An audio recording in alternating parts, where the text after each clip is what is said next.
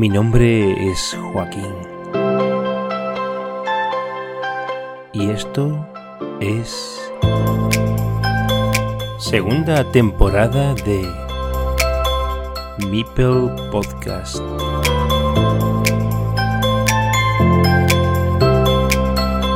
Welcome to Carcassonne.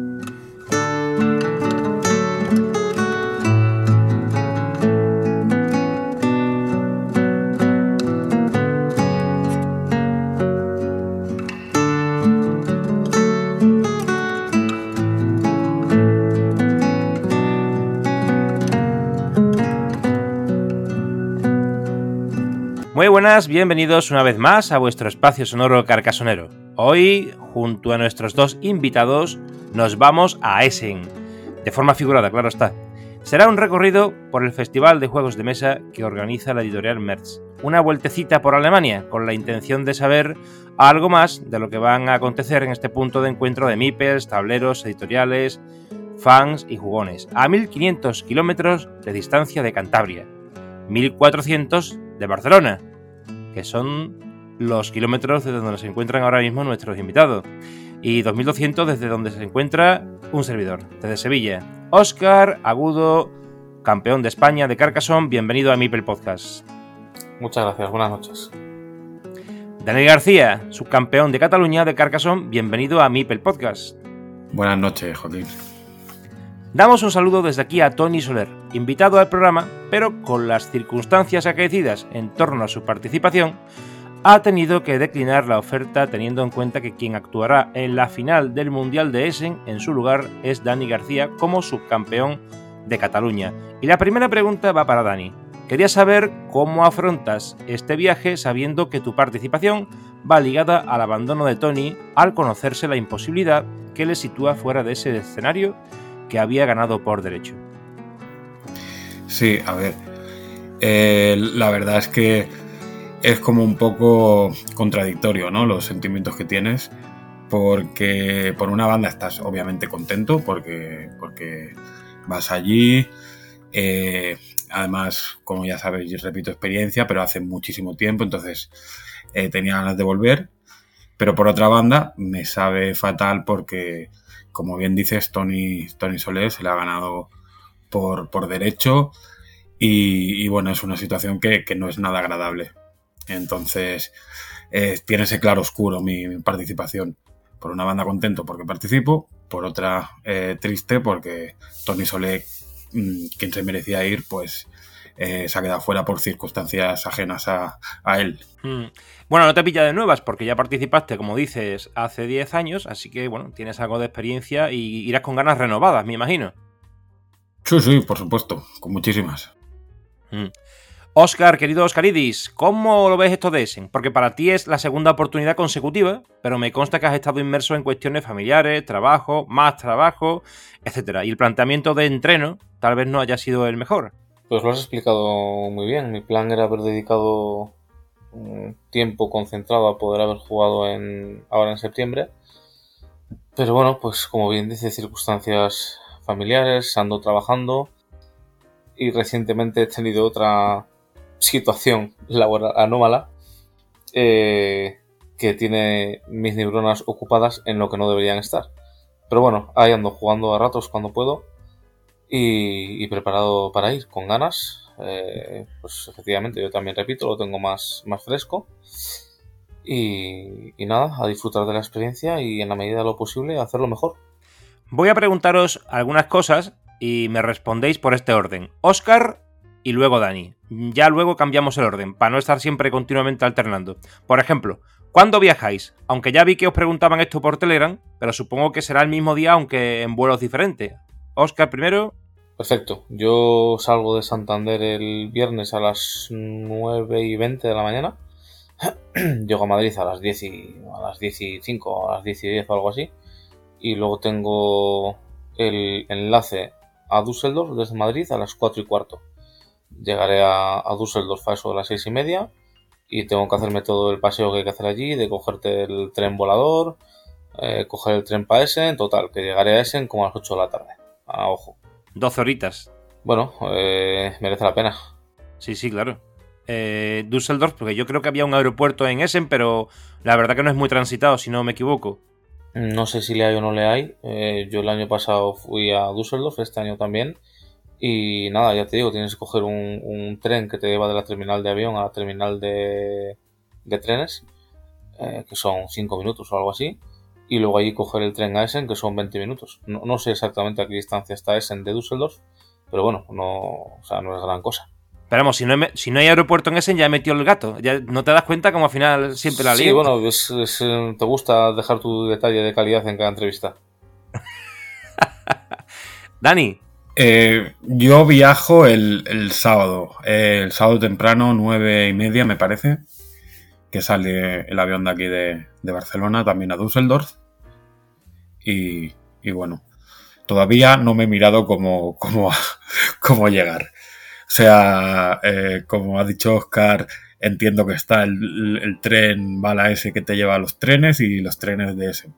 Pero como ya contamos en la, entrevista anterior, la primera vez que fuimos nos liamos mucho y estuvimos un montón de horas dando vueltas entre tren y tren. O sea que este año me lo miraré bastante mejor, a ver si. Muy bien. Eh, o sea que salís viernes Oscar y Dani el sábado. Uno de Madrid, con la escala esta que viene de, Santander, bueno, de, Cantabria, y después eh, Dani al día siguiente desde Barcelona. ¿Y cuándo tenéis prevista la vuelta? Pues yo vuelvo el, lunes a las, no sé a qué hora es, a las 11 de la mañana o algo así.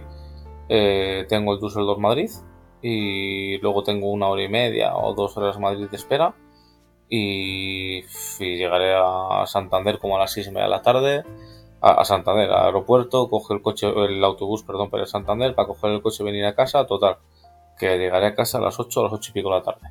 Sí, lo mismo pero de vuelta, pero a la inversa, efectivamente. Sí, bueno, en este caso como menos esperas, pero lo mismo. Yo vuelvo, vuelvo lunes también, eh, a las 4, 4 de la tarde, 4 y media también. Mucho jadeo con los trabajos. ¿Os dejan la, el, el lunes ahí sin, sin problemas? Bueno, yo lo pedí hace, hace tiempo y hablé con el jefe, le dije lo que había.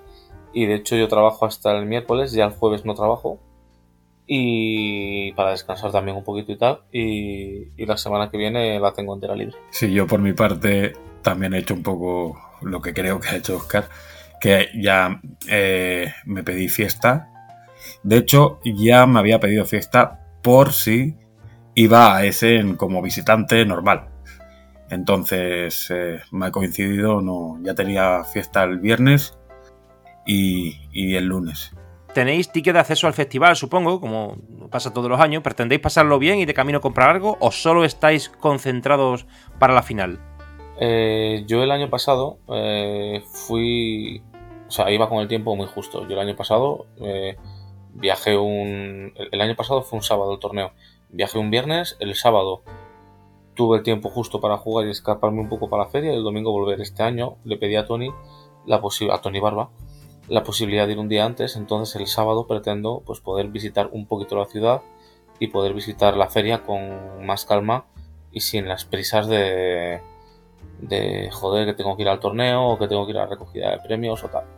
Entonces este año va a ser todo un poco más pausado, dar una vuelta por allí, ver cosas, coger algún algún juego para enano y tal y bueno, con un poquitín más de, calma que el año pasado. Yo, eh, la verdad es que como voy el sábado, eh, creo que si puedo ver algo de la feria así como visitante, podré hacer el sábado por la tarde. Si, si puedo y me, coincide y me da, eh, es mi idea.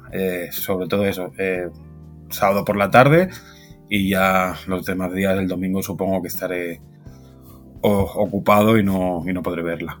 Sí, espero que no tengas libre a partir de las 3 del domingo, porque eso será más mala noticia.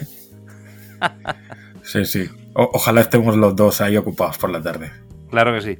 ¿Cuáles son las expectativas? ¿Pasarlo bien o sufrir? ¿Participar o intentar el asalto al trono? Hombre, yo creo que una cosa no quita la otra. Eh, yo ya te dije en la primera entrevista que me hiciste que a una partida puede ganar cualquiera. Eh, el año pasado me lo arrebataron de las manos y este año yo voy con idea de, de ganar a que se me ponga por delante. Que igual me da un tortazo en toda la cara y lo pierdo todo, pues, pues me volveré a casa con el tortazo. Pero yo voy allí a, a ganar a que se me ponga enfrente. A pasarlo bien también, pero bueno, a por todas. Yo por mi banda eh, voy, voy primero a pasármelo bien, a disfrutar, porque al final es, es una cosa inesperada y, no contaba con ello. Entonces, eh, contento ya solo de estar allí. Eh, ahora también, eh, ya que estamos, pues hasta donde se pueda llegar. Sin, sin, expectativas, porque hay gente muy buena, pero, pero bueno, pero con ilusión y con, con ganas de, de, poder hacer algo.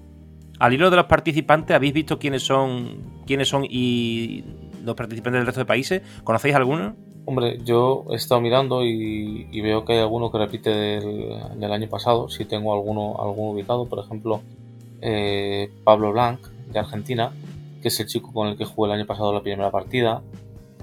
Eh, que más? Bueno, repite evidentemente el, el, campeón. Eh, y he visto otros dos o tres jugadores que, repiten. Eh, también, bueno, por el tema de Knicks, pues tengo a gente ubicada de, la BGA que he jugado contra ellos. Y bueno, pues como dice Dani, o sea, allí eh, hay mucho nivel. O sea, a ninguno le invitan a jugar porque pasa por la calle y le han, dado la opción de jugar. El que está allí es porque se lo ha ganado y, ninguno es manco. Entonces, bueno, sí conozco a, gente y a los que no conozca mm, sé que son buenos. O sea, no, no tengo lugar a duda. Sí, eh, a ver, tengo ubicado a sobre todo gente de la BGA. Eh, todavía no me ha dado tiempo a estudiarlos, pero, pero bueno, eh, sé que, hay varios, varias personas que, juegan en la BGA y, y, si me da tiempo, pues miraré alguna de sus partidas para, más que nada para ver el estilo de juego. No, tampoco me, me va a dar tiempo a estudiar minuciosamente a ninguno. Sí, eso os iba a preguntar, que si habíais estudiado a los posibles rivales, teniendo en cuenta que la mayor parte pues tienen nick en la BGA. Lo que pasa es que evidentemente no de todos los podréis conocer, pero, pero esa era otra, otra pregunta que os iba a hacer. Pero bueno, más o menos me habéis respondido. Ahora vamos a darle la vuelta. Ahora comenzando con Dani y después contestando luego Oscar, para cambiar de tercio. ¿Qué prima más en este tipo de competiciones? ¿El saber hacer o el saber estar? Vale. Yo soy de la opinión que obviamente eh, el saber hacer... Eh, es necesario para, cualquier eh, torneo competitivo, eso está claro.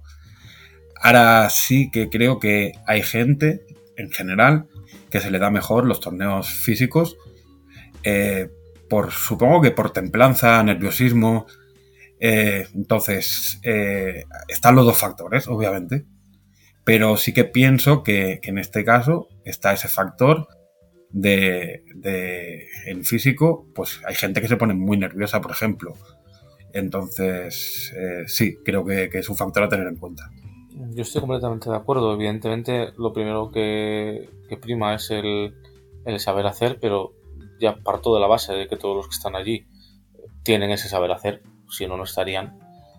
Eh, pero es, muy importante el, saber estar. Eh, no es igual estar jugando en tu casa, tirado en, en la super silla gamer con tu música y con 24 grados, eh, que yo que sé, que estar allí, que igual hace frío, que tienes delante a, a, un tío que igual, yo que sé, que es más grande y te impone, o que te toque jugar contra el campeón polaco que jugaba de pies.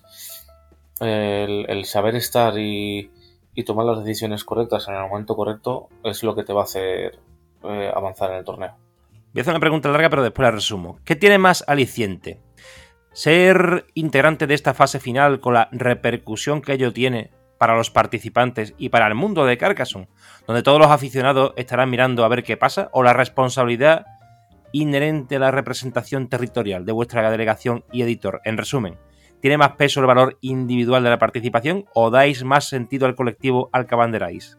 Eh, yo creo que, en este caso, eh, obviamente está representando a un colectivo por, por, lo que eh, presupone el estar allí, pero eh, yo creo que es más, estás, al final eres tú el que estás ahí, entonces yo creo que prima más la, individualidad, individualidad de, la persona.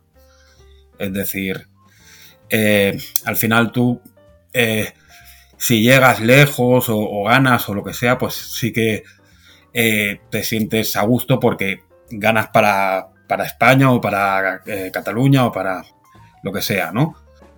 Pero al final eh, lo que se recuerda es que Oscar ha, ganado, Oscar ha llegado a la final, Oscar ha, pasado a semis o Dani ha pasado a semis.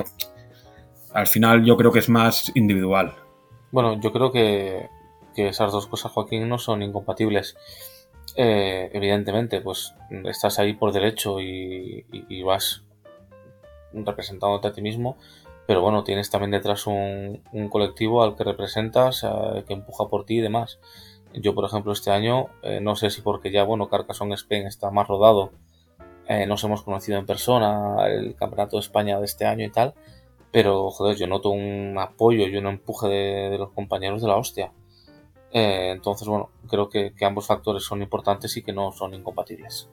Ambos en la Liga Carcassonne Spain. Me imagino que esta edición que se está jugando, que es más potente, también ayuda como entrenamiento, supongo. ¿O tiene más interés revisar los propios errores de partidas clave o analizar la de vuestros rivales, como comentábamos antes? ¿Cuál sería la filosofía de entrenamiento para Essen?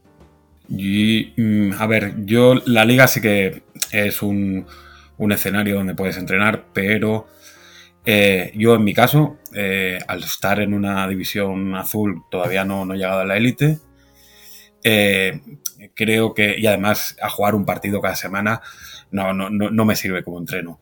Lo que yo sí que he hecho es quedar con, gente de, de o, o, no, pero con gente de aquí físicamente y jugar como si estuviera en, en un torneo presencial con, todas las casuísticas que, eso conlleva. Tiempo, eh, concentración y, todo eso. Bueno, yo no sé, eh, a pesar de estar en élite, eh, coincido un poco en la línea de lo que dice Dani, que jugar un, partido a la semana pues tampoco es gran, gran cosa.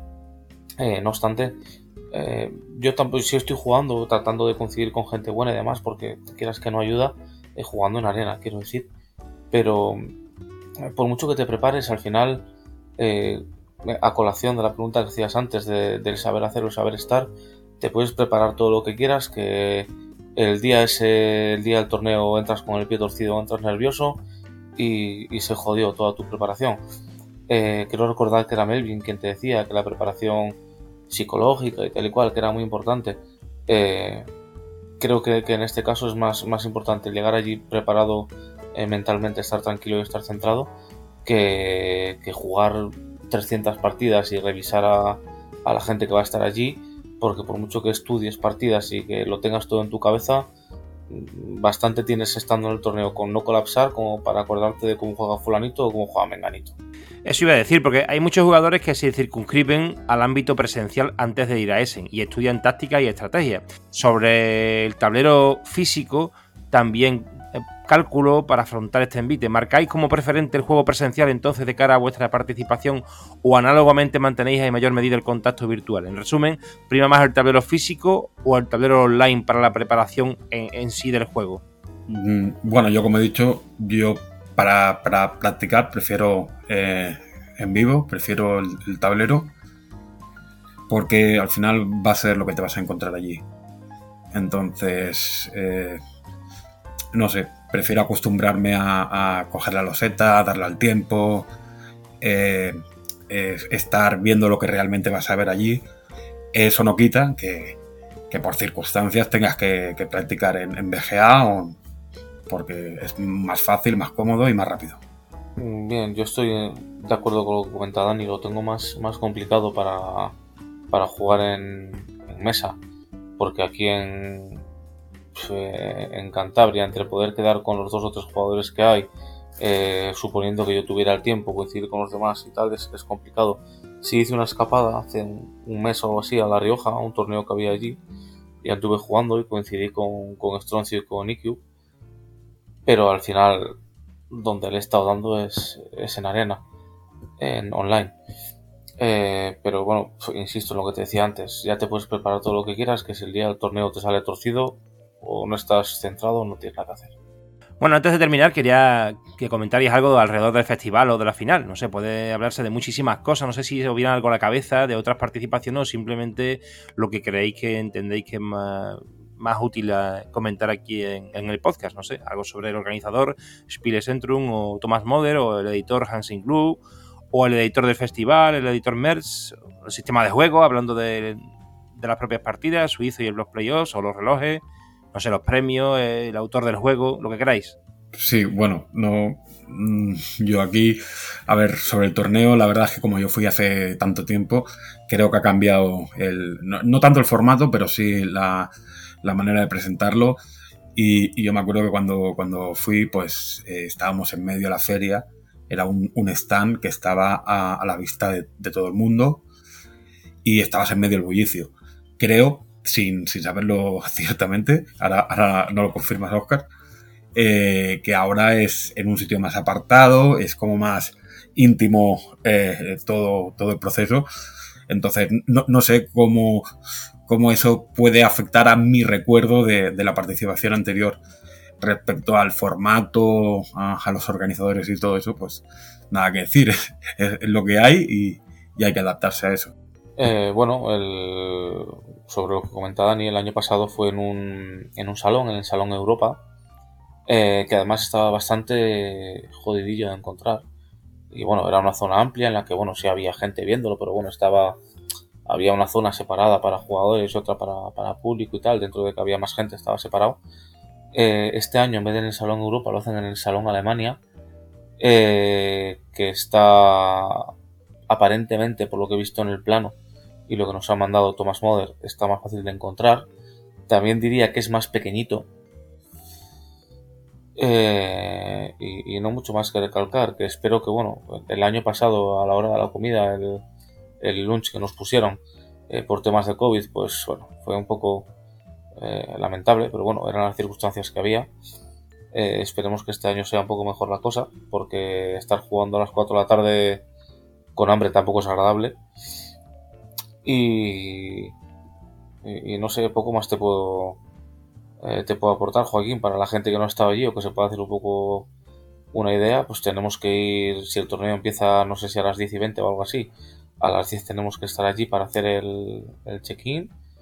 Em, hablando con Pere, me ha comentado que en caso que fuésemos impares, eh, no empiezan con impares y preguntarían a, a, todos los asistentes que están allí quién está interesado en jugar eh, cogen el nombre de todos, lo meten en botecito y sacan un papel y ese ha triunfado y juega para que seamos pares. Y una vez que está todo en marcha, nada, sacan emparejamientos, eh, te dicen mesa, a jugar, te dan el papelito para apuntar el resultado, igual que hicimos en, en el Nacional en Madrid. Y nada, a esperar que te vuelvan a decir en qué mesa te sientas. Entre todo esto está por ahí el autor del juego para hacer fotos y firmar rosetas y tal. Y, y nada, espero que eh, Dan y yo podamos estar ocupados hasta las 5 y media de la tarde. Eh, una pregunta que voy a hacerte. Eh, ¿Puedes repetir eso que has dicho de lo de los impares? O sea, que si son impares, ¿qué sucede exactamente? Esto, esto me, lo ha comentado Pere, hablando, hablando con él, que, que en caso de que fuésemos impares, eh, em, que lo que hacen es eh, preguntar a las, a las 40 o 50 personas que están allí eh, de público. ¿Del público? Sí, sí, sí, sí. Preguntar si alguien tiene interés en jugar y si salen 15 que quieren jugar, pues apuntan su nombre en un papelito, no sé cómo coño lo hacen. Y nada, lo meten todo en un bote, sacan uno, modo sorteo, y al que le toque, pues para adentro. Bueno, esto es muy de ¿no? Bueno, no sé, esto es lo que me ha contado Pere, que quiero pensar que, que es correcto, yo no lo he vivido porque el año pasado fuimos pares y hubo un chico colombiano que llegó cuando ya habíamos empezado la, primera ronda y no le dejaron participar Eh, posiblemente, no lo dejaron participar porque si él entraba ya éramos impares.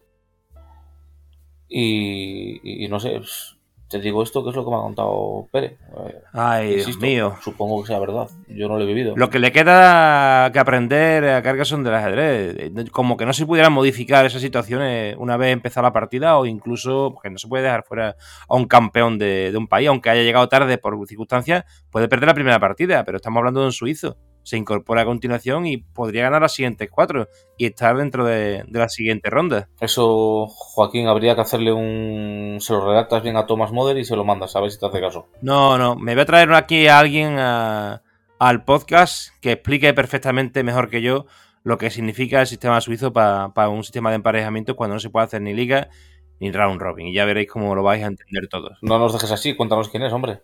No, no, porque todavía no está hecho, o sea que lo comentaré. Oye, ¿qué os parece esto? Oye, Dani, primero a ti también ahora. Esto de que yo es que estoy pensando que Carlos Jorge, siempre que va todos los años allí y después mm, no se aburre el tipo, o sea, ya habrá ganado pasta, ¿no? Carlos Jorge me refiero a Klaus Jürgen, que será Carlos Jorge, ¿no? Digo yo que será así. Pues no lo sé, no se aburrirá, ¿no? no lo sé.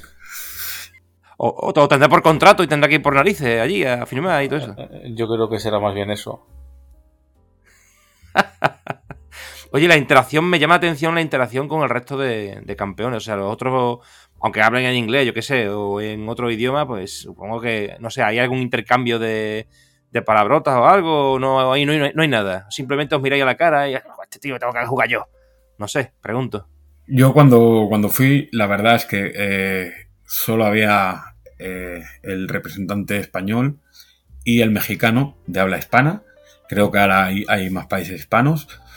Eh, la verdad, yo no hablo inglés y, y a mí me costó relacionarme con, con la demás gente. Lo, básico para suerte, eh, alguna comentario así de la jugada o qué mala suerte o qué mala jugada o qué mala roseta y, ya está, pero no, no interactué mucho con, con, los jugadores, solo con, el mexicano y, a lo mejor con el, con el americano, con el estadounidense, que, también chapurreaba un poco, y con el holandés que hablaba, que hablaba castellano.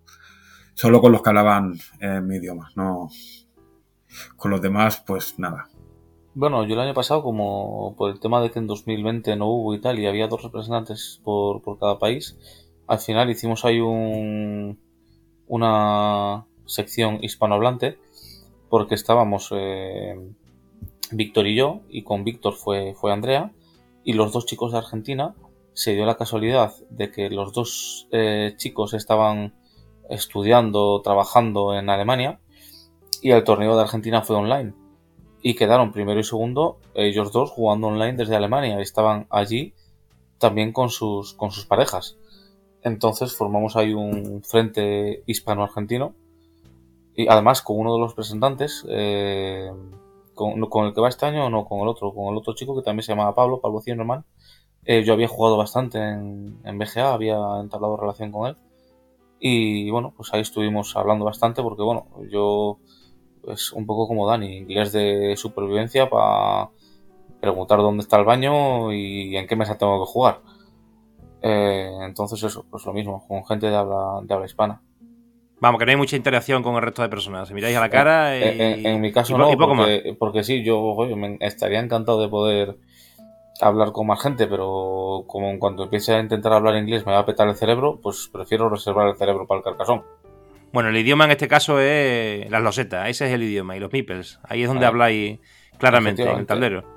Sí, señor. Mm, que digo yo que a Dani yo no lo conozco físicamente, pero a ti que te conozco, si bueno, si te toca uno así que tú digas, hostia, este me puede ganar, pues lo saluda, le pega un leñazo aquí en la nuca, lo dejas un poquito así más para allá, para, para allá y ya ahí lo tienes un poco más. No, violencia no, a mí me han dejado me han dejado asombrado con lo que comentaba David Cobo y no sé quién más, de que le atizaba hostias al reloj.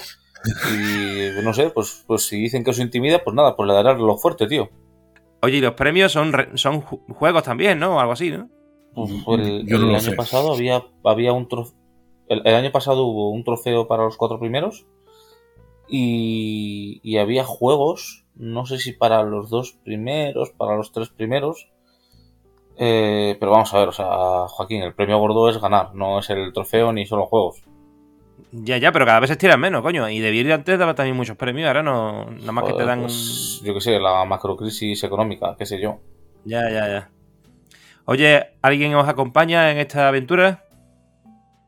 ¿Oficial o extraoficialmente? Yo, por mi parte, oficialmente no, porque como ha sido todo tan rápido y tan eso, ahora ya a la hora de, de comprar otros billetes, otro ho- hotel, eh, se va el precio y además como es solo realmente el domingo y es un día que vas a estar en el, en el torneo, no, no vas a estar eh, por ahí de bureo, pues entonces hemos decidido que mi mujer no, no, no venga, no, no me acompañe porque es tontería al final. Eh, bueno, y, y, eh, no físicamente, pues te acompaña todo, to- todo el mundo carcasonil, supongo. Sí, esa es la parte más importante. Efectivamente, tienes toda una, una comunidad detrás que te respalda, eh, que no están ahí físicamente contigo, pero que están, que están empujando. Yo, en, en mi caso, eh, pues eh, mi mujer le tiene pánico a los aviones. Entonces, pues nada, se queda aquí con el cachorro y, y ahí estaré. Tendré la compañía de, de Héctor Madrona, que va a estar por allí. Y, y, y esa es la compañía que puedo tener. Sí, sé que va, que va por allí Mipeldron a, a, a pulular por, por las flores de Essen. Así que ya nos contará también él cómo lo, cómo lo ha visto. Eh, bueno, amigos, pues nada, si no mm, queréis añadir alguna cosita antes de terminar. Sí, obviamente que, que nos haremos mutua compañía también, o sea, no, no vamos solos. Bueno, sí, también. También, también. Es importante. Efectivamente, estáis juntos y podéis hablar y veros físicamente y, y esas cosas. Muy bien. Pues nada, bueno amigos, os deseo la mejor de las suertes en esta aventura que, que ambos vais a Muchas repetir. gracias. Muchas gracias, Joaquín. Oye, por cierto, que sería un gustazo veros en la final a ambos, ¿eh? Eso sería un auténtico no va más. A lo mejor hasta salís en la tele. Ojalá. Mm, No lo, no, no lo dudes que saldríamos en la tele. No sé, no sé con qué connotaciones, pero seguro que saldríamos. Bueno, gracias por estar aquí y nos vamos camino a Essen. Os esperamos a la vuelta. Un abrazo. Hasta luego. Hasta luego.